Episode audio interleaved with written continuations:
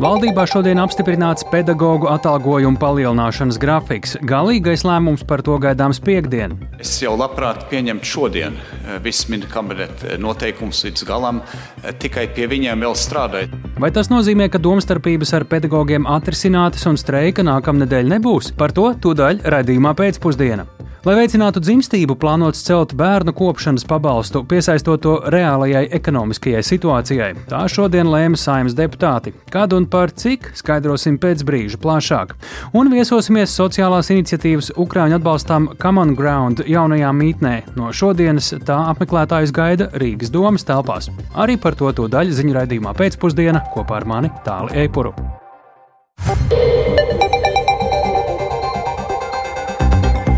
Ir 16,5 minūtes, skan pēcpusdienas ziņu programma, skaidrojot šodienas svarīgus notikumus. Studijā tālāk Eipurs. Labdien!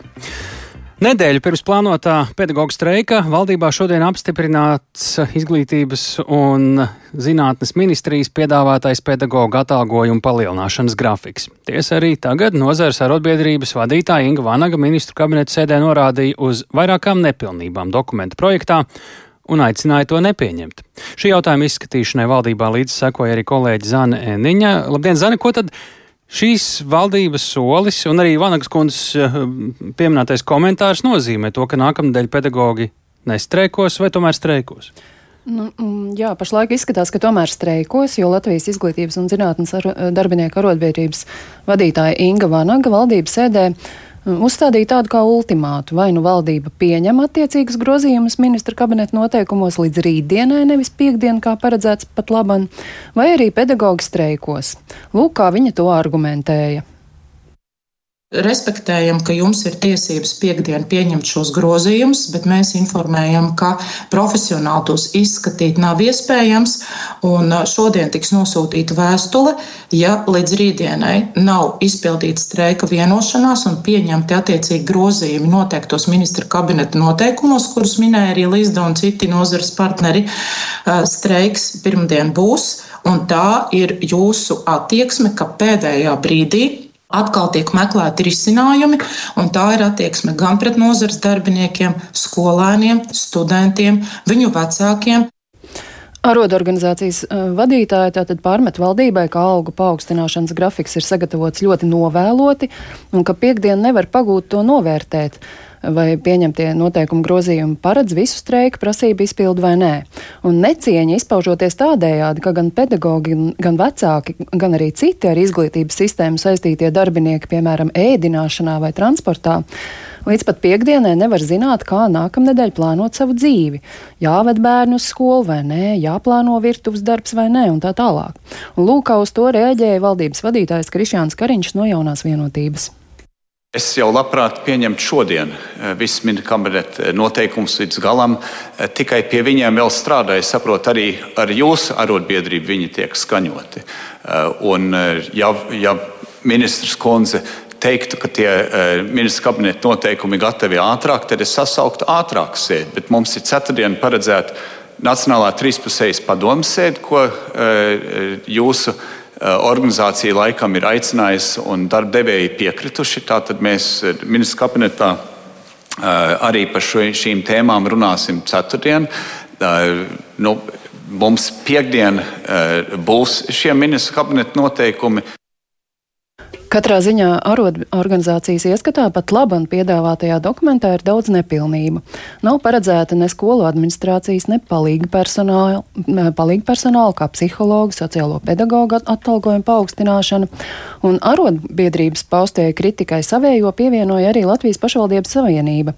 Proti pašlaik valdības sagatavotajā dokumentā paredzēts, ka pedagoģu algu paaugstināšanā izmantos līdzekļus, kas radīsies veicot tā dēvēto skolu optimizāciju. Un nozars ministrijā aprēķināts, ka tie būs vairāki desmit miljonu eiro nākamajos trīs gados. Taču pašvaldības savienības padomniece izglītības jautājumos Ināra Dunduri apšauba, vai skolu tīkla sakārtošana ļaus iegūt tik daudz naudas. Paklausīsimies, ko viņa teica. Slēdzot skolu, un tas notiek ar mazajām skolām, bērns aiziet uz citu skolu un paņem līdzi šo finansējumu. Mēs varam rēķināties tikai uz to ietaupījumu, kas rodas, ja no šīs skolas atbrīvojas pedagogs. Un tās mazajās skolās arī, es domāju, ka gan visiem izglītības jomā iesaistītajiem un sabiedrību mēs zinām, ka tur ir nelielas slodzes. Uz nepilnībām algu paaugstinājumu plānā norādīja arī rektoru padome un Latvijas studentu apvienība. Tomēr izglītības un zinātnes ministra Anda Čakša no jaunās vienotības argumentēja, ka ne visos jautājumos oponent, oponentiem esot taisnība. Paklausīsimies, ko viņa teica. Par pedagoģiskajām stundām pieaug likme, bet uh, fokus šobrīd nav administrācijas algu pieaugums.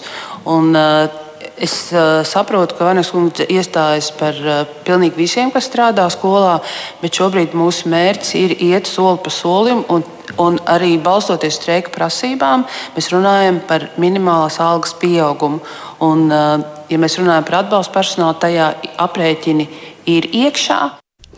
Tā no šī jautājuma izskatīšana noslēdzās ar algu paaugstinājumu grafiku pieņemšanu, nevienam ministram neiebilstot. Tāli? Jā, nu tā tad.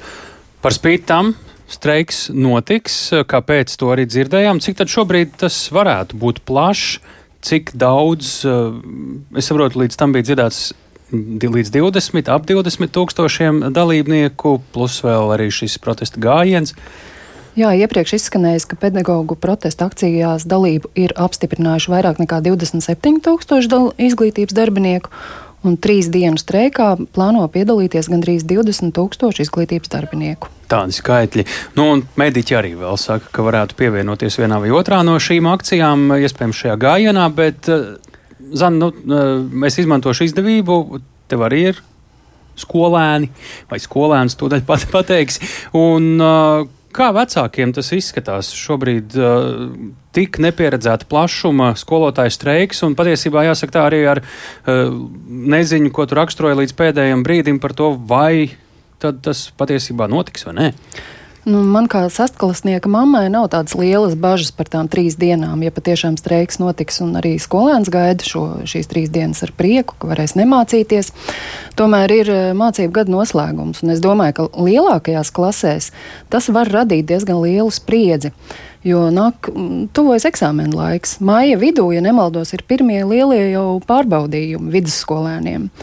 Un uh, viņiem šīs trīs dienas gan varētu būt ļoti sāpīgas. Uz ko šajā brīdī ir lielāks rūkums? Uz arotbiedrību, kura nolēmusi, ka jāstreiko, vai uz valdību, kura pēdējā brīdī pieņem lēmumus, kas tāpat neatceļ šo streiku, bet to neskaidrību uztur? Nu, arotbiedrībai noteikti lielāks rūkums ir uz valdību. Bet, bet vecākiem? sabiedrībai, sabiedrībai nu, iespējams, ka problēmas vistiešākajā veidā sagādā tas, ka skolotāji nebūs skolā. Mhm. Sakām paldies kolēģei Zanai Eniņai, un mēs uh, turpināsim, protams, sekot līdz šim tematam.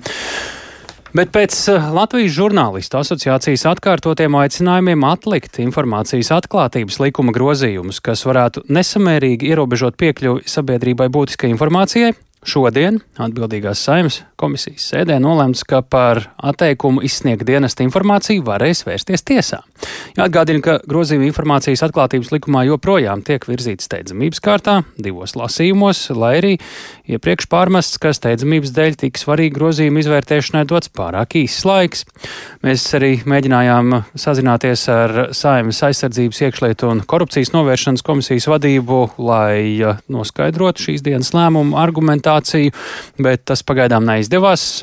Komisijām, komisiju sēdes šodien vēl ir citas, joprojām visticamāk pat turpinās. Taču sēdes gaitai klātienē līdzi sakoja sabiedrības par atklātību dēlna pētnieks Olafs Grīgus. Labdien!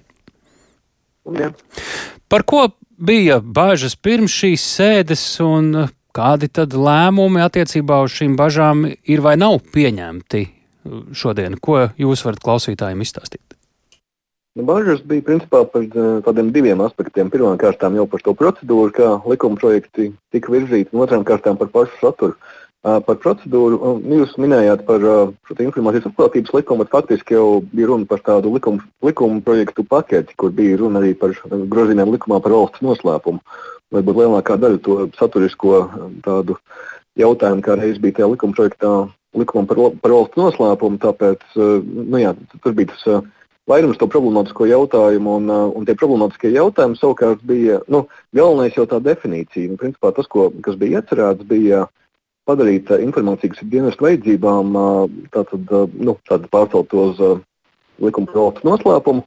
Un vienlaikus arī paplašināt definīciju tam, kas būtu, kas tad būtu turpmāk informācija dienestu vajadzībām. Un tas pamatojums nebija īpaši pārliecinoši izskanējis par to, kāpēc šī definīcija būtu šādā veidā jāpaplašina. Un tas paplašinājums bija diezgan ievērojams. Tā, ka principā iestāžu vadītājiem turpmāk būtu tāda nu, pilnīgi brīva vaļa noteikt Nu, tas bija definēts tā, ka informācija, kuras nonākšana sabiedrībā varētu apgrūtināt iestādes darbu, nu, kas, nu, tā atklāti sakot, ļoti labi var iedomāties, ka tas tā, tā varētu raksturot gandrīz jebkuru informāciju. Un bāžas šeit bija kur?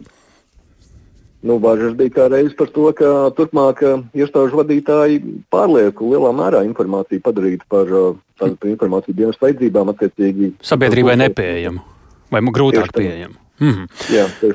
Kas šodien tika lemts sēdē, vai šīs bāžas tika ņemtas vērā, kaut kādā veidā novērstas? Jā, laimīgā kārtā bažas tika ņemtas vērā, un, un te ir, tā teikt, atkal atgriežoties pie tās procedūras, ļoti laimīgā kārtā gan žurnālistu organizācija, gan arī citas nevalstiskās organizācijas norādīja uz to, ka tad, kā deputāti to sākotnēji bija iecerējuši atvēlēt stundu priekšlikumu izsniegšanai un, principā, vienas dienas laikā pieņemt šos grozījumus, ka tas nav, nu, tas nav pieļaujami, ņemot vērā to, cik slikti sagatavot bija šie sākotnēji likumprojekti. Laimīgā kārtā tas priekšlikuma iesniegšanas laiks tika nedaudz pagarināts. Nu, vienalga, nedaudz, tas bija tikai dažas dienas, un tika iesniegts ļoti daudz priekšlikumu. Gan no nevalstiskā organizācija puses, gan arī no tiesības sārga, gan Saimnes juridiskā biroja. Nu, tātad bija ļoti daudz priekšlikumu, kas par laimi arī tika ņemt vērā. Un deputāti šodien, nu, kā jūs jau arī šķiet minējāt, tātad tika satversmes aizsardzības birojas eh, nāca klajā ar šo priekšlikumu, ka būtu svarīgi tomēr eh, norādīt, ka ir iespējams tiesā apstrīdēt to, vai kādai konkrētai informācijai piešķirts dienestu vajadzībām status, vai tas ir pareizi izdarīts. Un, uh, Un tātad to varēs tiesā apstrīdēt, jo bija bažas par to, ka nevarēs pat tiesā tā, tā teikt, iegūt šo informāciju gadījumos, ka liksies, ka uh, status ir piešķirts nepamatoti. Un, jā, tad paldies, paldies par to satversmes aizsardzības birojam par šo eh, priekšlikumu un arī atvieglojums, ka deputāti to atbalstīja, protams. Uh, un, uh, nu jā, un tad vēl, vēl viens tāds uh, punkts arī priekšlikums no Saimnes juridiskā biroja par šo definīciju, ko es jau minēju, kas bija nu, tā tiešām nepamatot paplašināta. No Saimnes juridiskā biroja bija priekšlikums sašaurināt šo definīciju, lai tomēr būtu runa tikai par iestādes drošību, nevis par jebko, kas varētu apdraudēt, kas varētu radīt apgrūtinājumu iestādes darbībai, kas pārliek tāds plašs definējums. Tātad šīs divi, tās divas galvenās pozitīvās lietas, kas eh, šodien tika izmainītas, eh, nu, protams, bija vēl atsevišķi priekšlikumi, bet mūsu ieskatā šīs bija tās nozīmīgākās. Es domāju, ka varētu teikt, ka tas tā, varbūt tāds eh, lielais, ļoti satraucošie punkti, kas Jā, līdz ar to, ko tas nozīmēs? Būs šī informācija dienesta vajadzībām, kāds, kas uzskata, ka tā nav sabiedrībai pieejama līdz ar šo iespēju, kas likumā grozījumos tagad projektā tik dota. Tas nozīmē, ka būs krietni piesardzīgāk sakot, nē, šī informācija nav pieejama vai padarot viņu mazāk pieejamu sabiedrībai, jo būs jārēķinās ar šo tiesas ēnu fonā. Ja?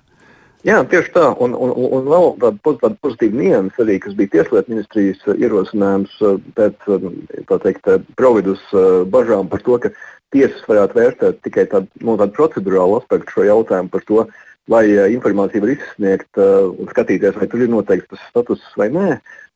Bija priekšlikums, ka varētu tomēr likumā precizēt, ka tiesai ir jāvērtē arī pēc būtības, vai šis status ir piešķirts pamatoti. Mm -hmm. Jo nu, citādi bez šī precizējuma varētu gadīties tā, ka tiesa šo aspektu nemaz nevērtē un tikai pārliecinās, vai ir piešķirts šī, šī klasifikācija ir piešķirta. Bet tagad ar šo precizējumu tiesai būs pienākums arī, būs nepārprotami, ka tiesai ir jāvērtē arī tas, vai tas ir piešķirts pamatot, kas arī ir pozitīvi.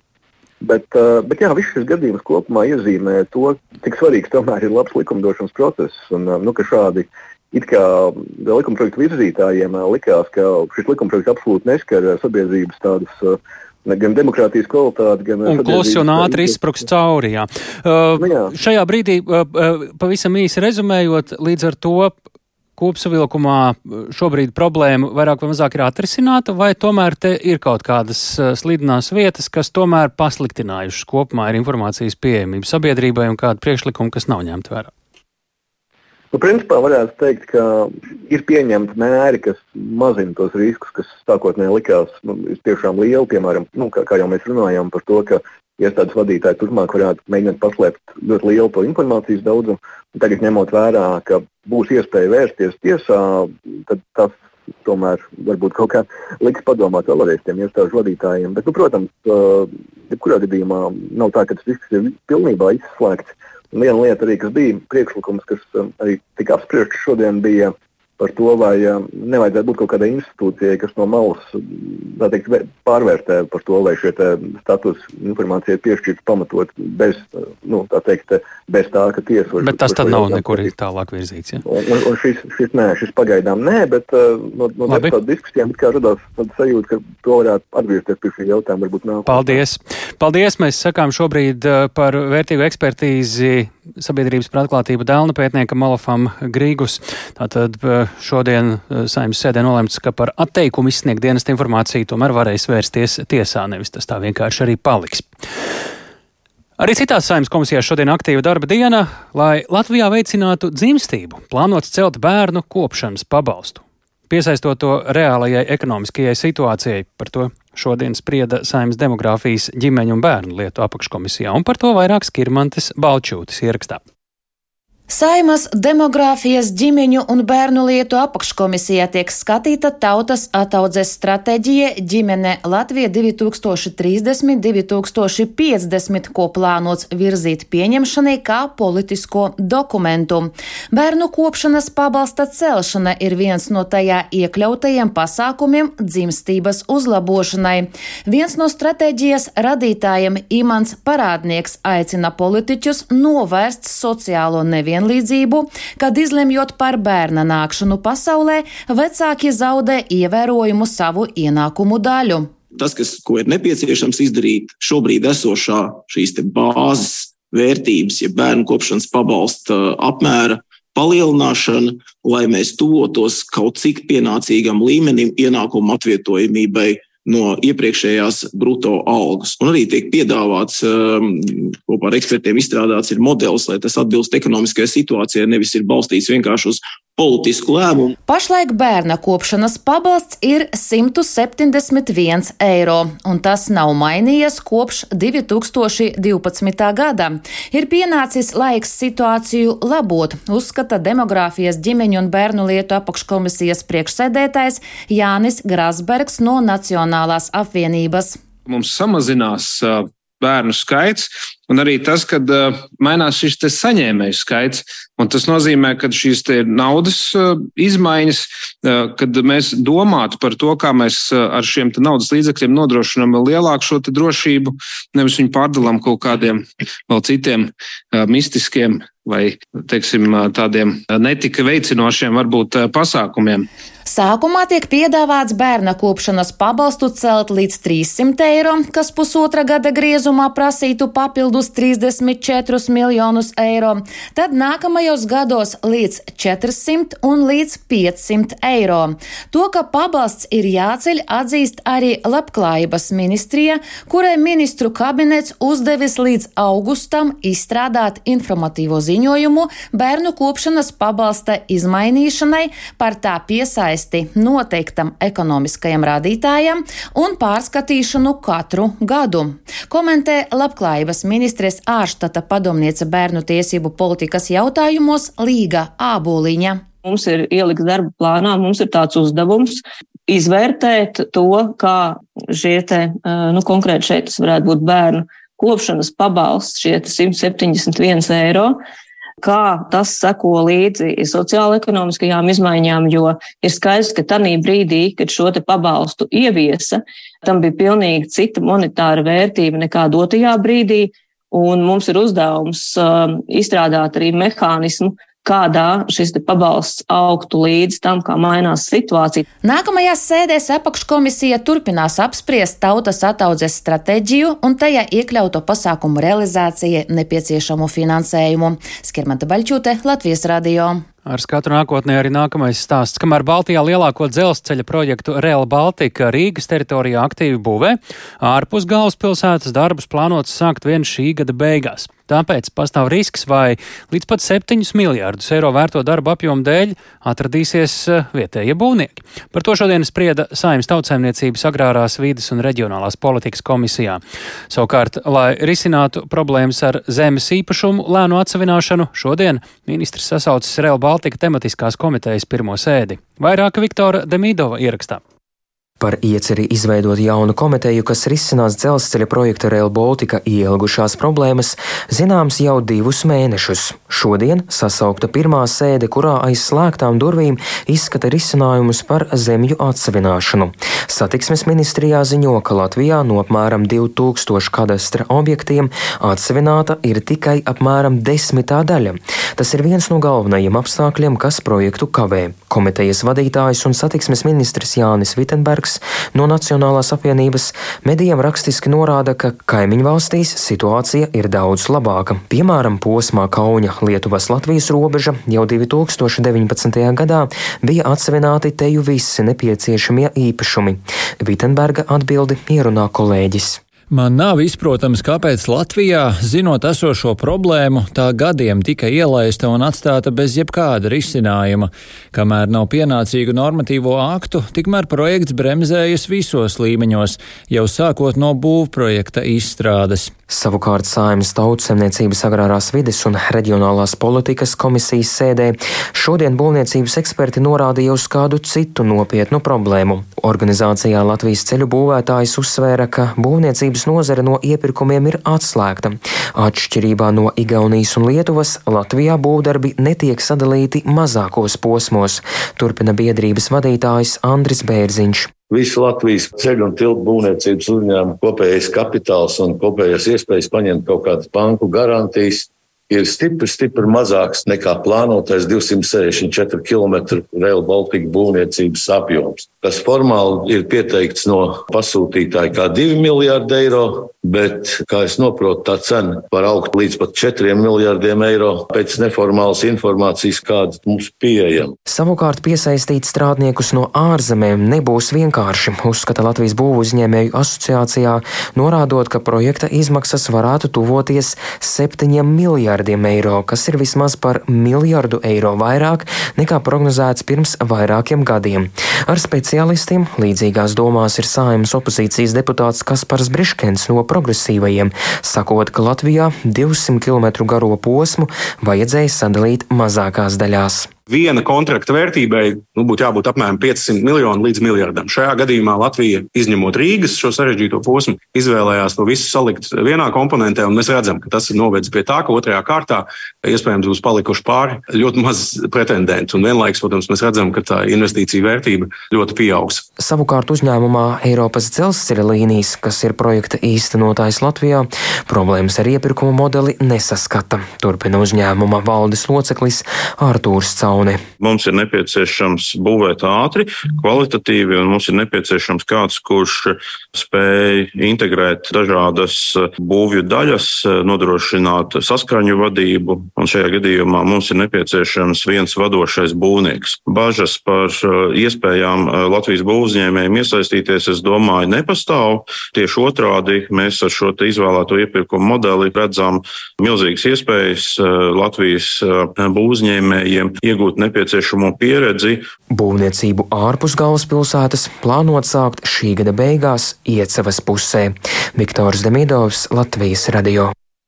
Eiropas Savienība nedrīkst pieļaut, ka komunistiskā Ķīna grauj tās vienotību, tā šodien paziņojusi Eiropas komisijas vadītāja, bet kā Eiropas Savienības ceļā uz klimatneutralitāti plāno palīdzēt mazāk aizsargātiem iedzīvotājiem šie un citi temati raidījumā pēcpusdienā turpmākajās minūtēs.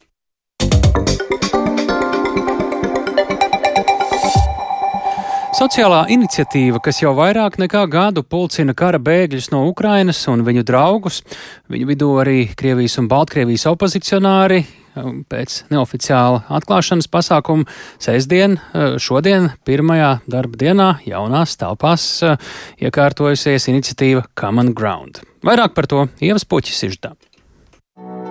Рижская дума. Граунд находится в этом здании. Но, если мы пробуем войти там... Rīgas dome. Common Ground atrodas šajā mājā, bet, ja iesiet šeit, mūs neielaidīs. Attiecīgi mēs ejam pa labi. Instrukcija Common Ground Facebook profilā vēsta, kā nokļūt kara bēgļu tik iemīļotajā tikšanās vietā. Kļuvusi populāra kā socializēšanās klubiņš Andrejostā, kur notika kupli apmeklēti koncerti, dārza svētki un spēles bērniem. Common Ground iniciatīva ar Rīgas domas atbalstu nu pārcēlusies uz Vecrīgu. Darbojas pagrabā zem domas ēkas. Inese Dābola, kas šo ieceri realizējusi kopā ar Ievu Irbiņu, stāsta, kā viss sācies. Common Ground eh, radās tātad 24. Eh, februāris pagājušais gads. Tā mūsu pamatkomanda organizēja Rīgas Starptautiskā laikmēs mākslas bienāli, un to strādāt ar laikmatīgo mākslu nevar eh, ignorēt apkārt notiekošo kontekstu. Un jau 25. februārī mēs paziņojām, ka mēs iepauzējam tādā brīdī gatavošanos izstādē un fokusēsim savus spēkus uz palīdzības sniegšanu. Bienāle Riboka, kuras sākotnējo finansējumu saist ar dibinātājas Agnijas Mirgorodskas tēva Genādija zivju pārstrādes biznesu Krievijā, kopš Ukrainas kara sākuma atteikusies no grantiem, kas saistīti ar Krievijas uzņēmumiem, uzsver Dābola. Un, e, mēs padomājām, ka, e, ko mēs mākam, mēs mākam organizēt un ka būtu svarīgi izveidot vietu, ka tajā brīdī, kad cilvēks ir iznācis no Ukraiņu bēgļu centra, Ietevu gadījumā ir nepieciešams vai nāga socializēties, sarunāties, vai ir konkrēta vajadzība pēc padoma. Ir arī ļoti daudz tādi, kuri šeit ir vieni paši. Tās bieži, visbiežāk ir tātad vien māmiņas, viens pašas ar bērniem, Pašu rokām operatīvi izremontētā simtgadīgā stacijas ēka Andrejostā, kur vispirms iemājoja Common Ground, ātri kļuva populāra bēgļu vidū, bet, diemžēl, pārāk dārgi sanāca komunālo maksājumu rēķini. Jaunās telpas Rīgas doma nodrošina par brīvu. Bez Common Ground, kas šajā laikā kļuvusi par biedrību, tajās saimnieko arī biedrība Tavi draugi un kustība gribu palīdzēt bēgļiem. Mēs esam vienīgā pašvaldība pasaulē, kas ir atvēlējusi savas pašvaldības telpas bēgļiem. Common Ground algo četrus ukraiņu darbiniekus, bet datu bāzē ir ap 200 brīvprātīgo. Īpaši čakli palīdzēšanā ukraiņu bēgļiem bijuši Krievijas opozīcijas žurnālisti. Tie žurnālisti, kas pie mums nāk, šobrīd jau daudz arī aizbraukuši tālāk, vai nu uz Berlīni, vai Amsterdamu, vai citur. Viņiem ir tā izteiktā vainas arī izjūta Pēc tam, ka tomēr viņu valsts ir uzbrukusi citai valstī. Krievijas opozīcijas žurnālisti. Jā, un tā ir arī tāda noteikti sarežģīta situācija. Arī Staņislavs, inženieris no Baltkrievijas, Common Ground apmeklē jau gadu. Organizējis Baltkrievu kopienas aktivitātes Sanktpēterburgā, pēc tam ticis vajāts. Viņš tagad dzīvo Latvijā. Common Ground man ir kā otra ģimene, kā draugi. Es šeit palīdzu cilvēkiem un arī pats iegūstu jaunas pazīšanās. Man tas ir svarīgi. Nu, kā Un ko Ukrāņi saka par to, ka Baltkrievs viņiem palīdz? Pirmkārt, man uz pieres nav rakstīts, ka esmu Baltkrievs. Otrakārt, kad es iepazinos un stāstu par sevi, esat tāds pats bēglis kā viņi. Nu, biežanец, да, но это немножко... Jā, bēglis, bet tehniski kaut kas mazliet cits. Es bēgu no politiskajām represijām, bet viņi no kara. Harkivieti Aļonu ar meitām Darju un Poļinu, kurām ir seši gadi un gadiņš, sastopu pļāpājam ar likteņa biedreni no Kīivas, kuras dēlam arī ir seši. Jūs šeit esat pirmo reizi? Nē, ne pirmo reizi. Te ir ļoti jauki. Bērniem vispār lieliski. Paldies visiem, kas to organizēja. Super! super. Oficiāli Common Ground atklāšana Rīgas domas telpās pie Rātslaukuma paredzēta 29. aprīlī. Tad te durvis vērs arī vēl viena Ukrāņu ķēdes restorāna Boršs filiāle. Common Ground saimniece Inese Dābola gan jau tagad aicina talkā arī latviešu brīvprātīgos, kuri grib komunicēt ar bēgļiem. Tāpat izsaka cerību, ka pat domes deputāti pa laikam nokāps lejā, piemēram, lai piedalītos Ukrainas jogas skolotāju vadītajās nodarbībās.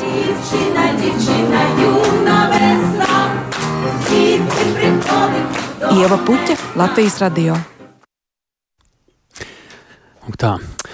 Eiropas Savienība nedrīkst pieļaut, ka komunistiskā Ķīna grauj tās vienotību. Tā šodien paziņoja Eiropas komisijas prezidente Urzula Fonderleina. Viņa arī atkārtoja jau iepriekš sacīto, ka Eiropas Savienībai ir jāsamazina ekonomiskā atkarība no Ķīnas. Tas gan nenozīmē pilnībā saraut tirzniecības saites ar pasaules otro lielāko ekonomiku. Tikmēr Pekina ir asi reaģējusi uz G7 valstu ārlietu ministru paziņojumu, tajā paustas bažas par Ķīnas pieaugošo agresīvo uzvedību. Plašāk dzirdēsiet Ulda Česbera ierakstā. Eiropā plašas diskusijas izraisīja Francijas prezidenta Emanuela Makrona nesenie izteikumi par to, ka Eiropas Savienībai ir jāmeklē sadarbības iespējas ar Ķīnu un ir jāizvairās no ieraušanas ASV un Ķīnas konfliktā par Taivānu. Atsevišķi Eiropas politiķi bija neizpratnē par Makrona teikto, bet daži atbalstīja Francijas prezidenta viedokli. Eiropas komisijas prezidente Urzula Fonderleina šodien uzstājās Eiropas parlamentā ar runu, kas izklausījās pēc mēģinājuma nogludināt Eiropiešu domstarpības jautājumā par attiecībām ar Ķīnu. Lējena sacīja, ka Eiropas Savienībai ir jārēķinās ar Ķīnas pieaugušo ekonomisko un politisko ietekmi pasaulē, tāpēc bloka līderiem vajadzētu runāt vienā balsī. A strong European China policy relies on strong coordination between member states and EU. Spēcīga Eiropas politika attiecībā uz Ķīnu ir atkarīga no ciešas koordinācijas starp dalību valstīm un Eiropas Savienības iestādēm, kā arī no vēlmes izvairīties no skaldi un valdi taktikas, ar ko mēs varētu saskarties. Pēdējās dienās un nedēļās mēs jau esam redzējuši šo taktiku darbībā, un tagad ir pienācis laiks arī Eiropai rīkoties. Tagad ir pienācis laiks apliecināt mūsu kopējo gribu un parādīt, ka vienotība ir tā, kas mūs padara tik spēcīgus.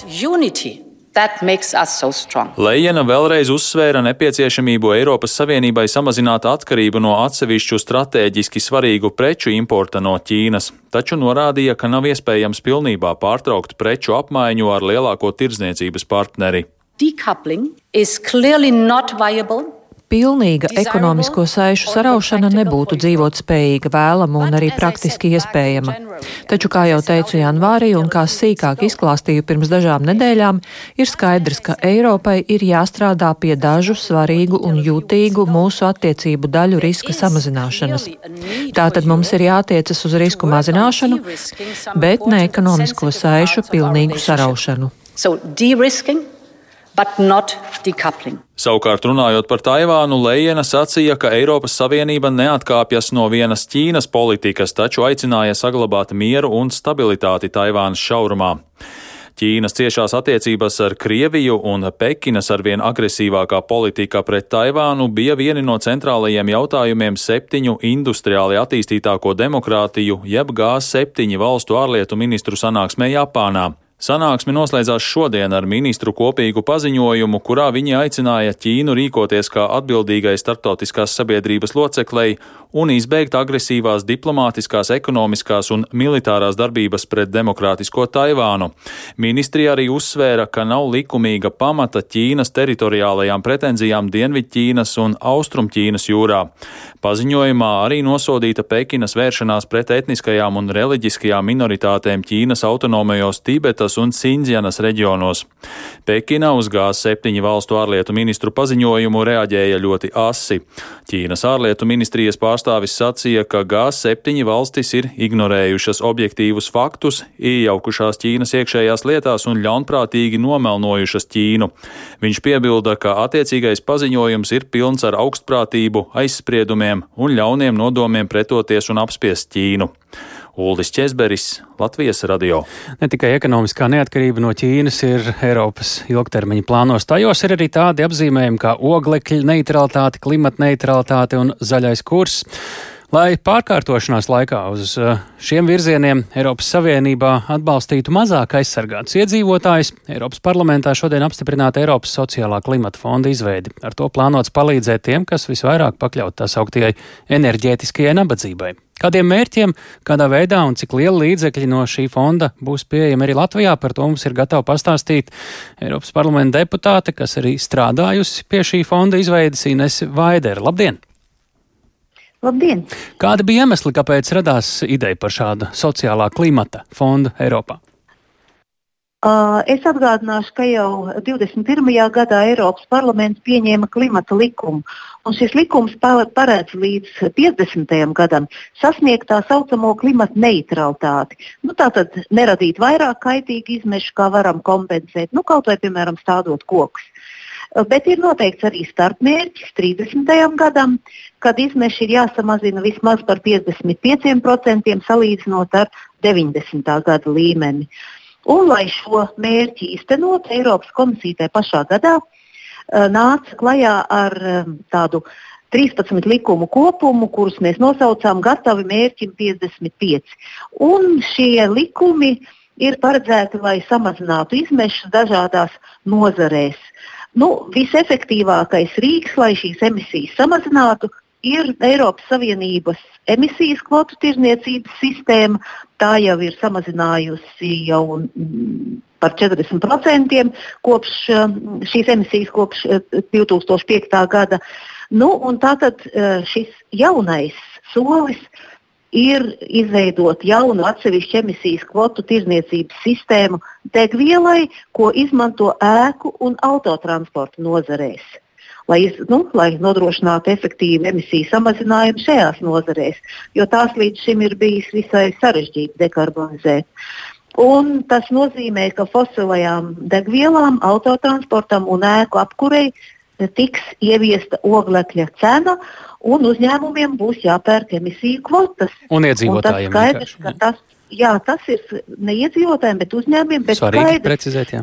Ka jā, ka, ka iedzīvotājiem būs papildus sloks, un, jo skaidrs, ka šādā gadījumā cenas nu, neapšaubām arī pieaugs, un tāpēc ir izveidots šis sociālais klimata fonds. Kā tas īsumā darbotos? Uh, Jāsaka, ka man liekas, ka šis sociālais klimata fonds ir tāda liela uzvara mūsējai. Es arī esmu strādājis pie šī fonda, Un mm, tas palīdzēs iedzīvotājiem un mikro uzņēmumiem ieguldīt energoefektivitātē, iegādāties jaunas, mazāk piesārņojošas apkuras sistēmas un vidē draudzīgākus transporta līdzekļus. Un šis eh, sociālais klimata fonds ir īpaši paredzēts iedzīvotāju atbalstam, kuriem draud enerģētiskā vai transporta nabadzība. Pirmo reizi mēs lietojam arī šo terminu transporta nabadzība. Tātad tas ir, kad iedzīvotāji daļa nespēja samaksāt par privāto vai sabiedrisko transportu, un līdz ar to viņiem ir arī ierobežota piekļuve sabiedriskajam transportam. Nu, lūk, un tātad, kā šo fondu ir paredzēts izmantot? Tātad, galvenais uzsvars ir mērķiecīgi ieguldījumi, kas vērsti uz ēku, ēku renovāciju. Tas ir ļoti būtisks mērķis un arī uz bezemisiju vai zema emisiju līmeņa transportu. Tātad ieguldījumiem no šī fonda jāpalīdz mazināt atkarību no fosilā kurināmā. Un skaidrs, ka ilgtermiņā tas ir, ir palīdzība neaizsargātām mājasaimniecībām, ja pieaugt šīs izmaksas.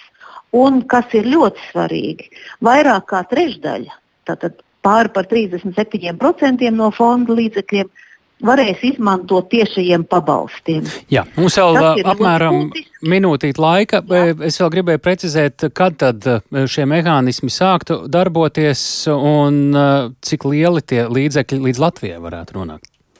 Jā, jaunās kvotu tirdzniecības sistēma sāks darboties no 27. gada, bet šis sociālais klimata fonds jau no 26. gada un um, līdzekļi tiks iegūti no ETS kvotu tirdzniecības. Latvijai ir paredzēti vairāk kā 600 miljoni, no kuriem 460 miljoni eiro ir šī sociālā klimata fonda līdzekļi, bet nacionālais līdzfinansējums ir 155 miljoni. Tieši mūsu frakcijai izdevās panākt dalību valsts līdzfinansējumu samazina līdz 25%. Mm. Sākumā bija paredzēts 50%. Cik nu, ilgam laikam šī summa? Šī summa ir paredzēta no 26. līdz 32. gadam, bet ja šīs cenas pieaugs um, ļoti būtiski, tad šeit ir arī tāds drošības mehānisms, ka varbūt ka šo mm. jauno sistēmu uzsāks darbināt vēlāk, un tad arī sociālais fonds palīdzēs sagatavot šai sistēmai. Iespējams, ka tas varētu arī pieaugt. Nu, to mēs redzēsim, kā Jā. procesa gaitā tas notiks. Lielas paldies par informāciju. Nes Vaidere, Eiropas parlamenta deputāts, stāstot par Eiropas sociālo klimatu fondu. Šis arī raidījumā pēcpusdiena viss šai dienai. Tiekamies citās darba dienās. Raidījumu veidoja Tāls Eipurs, Ilza Agīnta, arī Kaspars Groskops, Mārtiņš Paeglis un Kristaps Runģis. Mēs tiekamies kā parasti rīt. Klausieties mūs arī Latvijas radio mobilajā lietotnē, meklējot dienas ziņas.